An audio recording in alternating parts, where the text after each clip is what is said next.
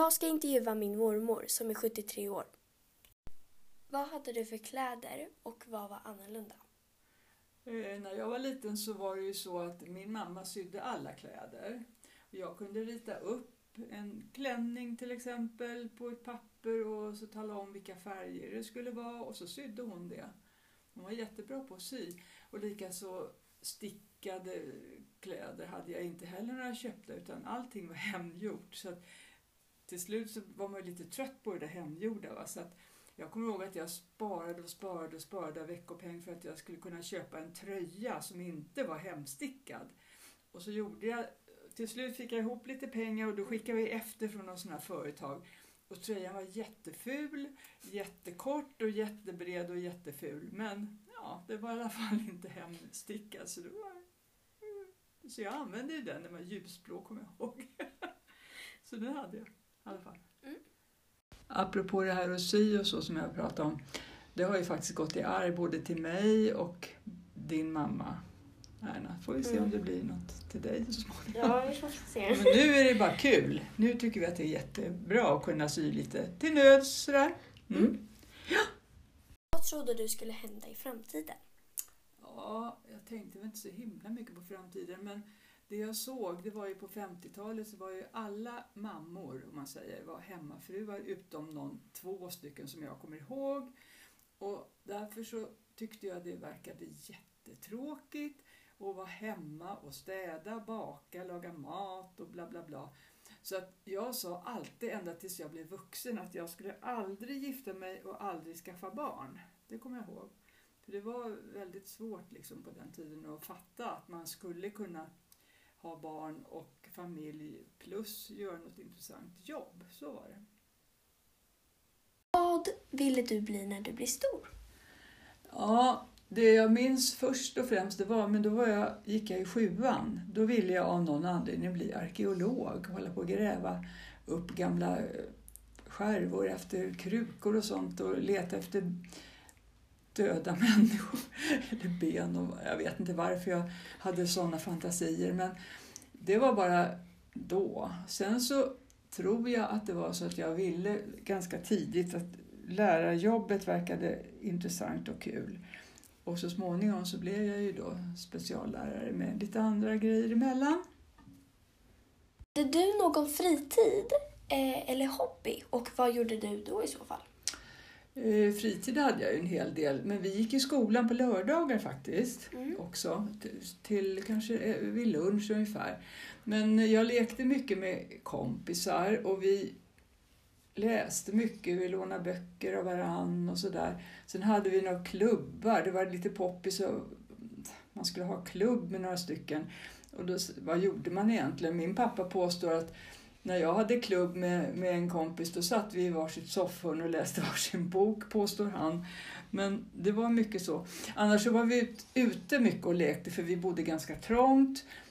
Och eh, vi, var, vi kastade boll, hoppade hopprep och eh, sprang omkring och lekte kull och sånt där som ni gör nu också. Men det var väldigt mycket utomhus i alla fall, det kommer jag ihåg.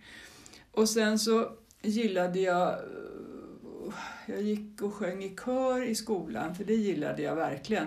Och sjöng mycket liksom, i skolan. Plus att det första instrument man fick börja och lära sig att spela var blockflöjt och det är väl inte så väldigt upphetsande men det var kul tyckte jag i alla fall. Så då hade vi någon liten orkester eller ensemble eller vad det heter, några stycken som spelade blockflöjt och uppträdde ibland sådär. Det var rätt så kul faktiskt. Vilka var dina bästa vänner?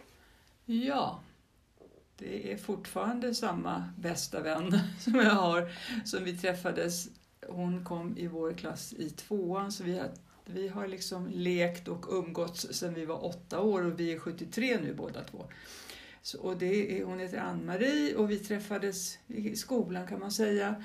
Och vi hängde ihop jättemycket. Hon hade inga syskon heller så hon hade hon hade eget rum, det hade ju inte jag för vi var tre barn och eh, vi var alltså fem i familjen med två rum och kök och de hade, hon hade eget rum så hon hade två sängar i sitt rum så där sov jag över rätt ofta och sådär. Det var kul. Och sen har vi följts åt under alla år faktiskt till och från. Det har varit lite olika perioder men, men eh, vi fick vårt första barn samma år, 1975. Det, var rätt, det är ju kul. Mhm. Och vi umgås fortfarande och vi har bott nära varann under ja, 20 år bodde vi i Bromma.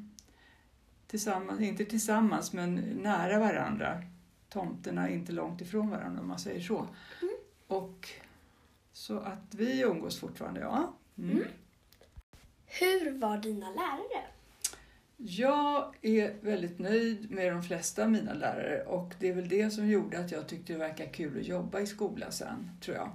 Men min, min, eh, först hade jag en småskollärare som hette Eva som jag i ettan och tvåan. Och sen i trean, till och med sexan, fick vi en manlig lärare som hette Allan. Och han var väldigt bra för han uppmuntrade att man var intresserad av skolan och han, han var en bra förebild tycker jag. Han trodde väl ganska mycket på er, att ni kunde klara Ja, det. Liksom. precis. Det Och då blev det jättebra tyckte jag. jag. Jag gillade det liksom. Så det var ända till och med sexan. Sen i sjuan, då fick man börja på en helt annan skola och då fick man olika lärare för olika ämnen och då minns jag att det var lite sisådär med en del. Vi hade en tyska lärare, man fick börja med tyska då i sjuan. Och han var så fruktansvärt sträng. Han kom från Österrike och han var liksom så man hade sk- man, nästan skräck för honom för han, han var så där att om man inte kunde exakt läxan då fick man sitta kvar och sitta och skriva ner de där himla glosorna i sida upp och sida ner så han var liksom obehaglig så det var inte så kul. Men annars så tycker jag nog att jag har haft bra, trevliga lärare faktiskt. Mm. Nu har ni fått lyssna på min mormors historia när hon var 12. Mm, Tack det gick och hej. bra. Det gick ju bra Erna, det gjorde vi bra. Ja.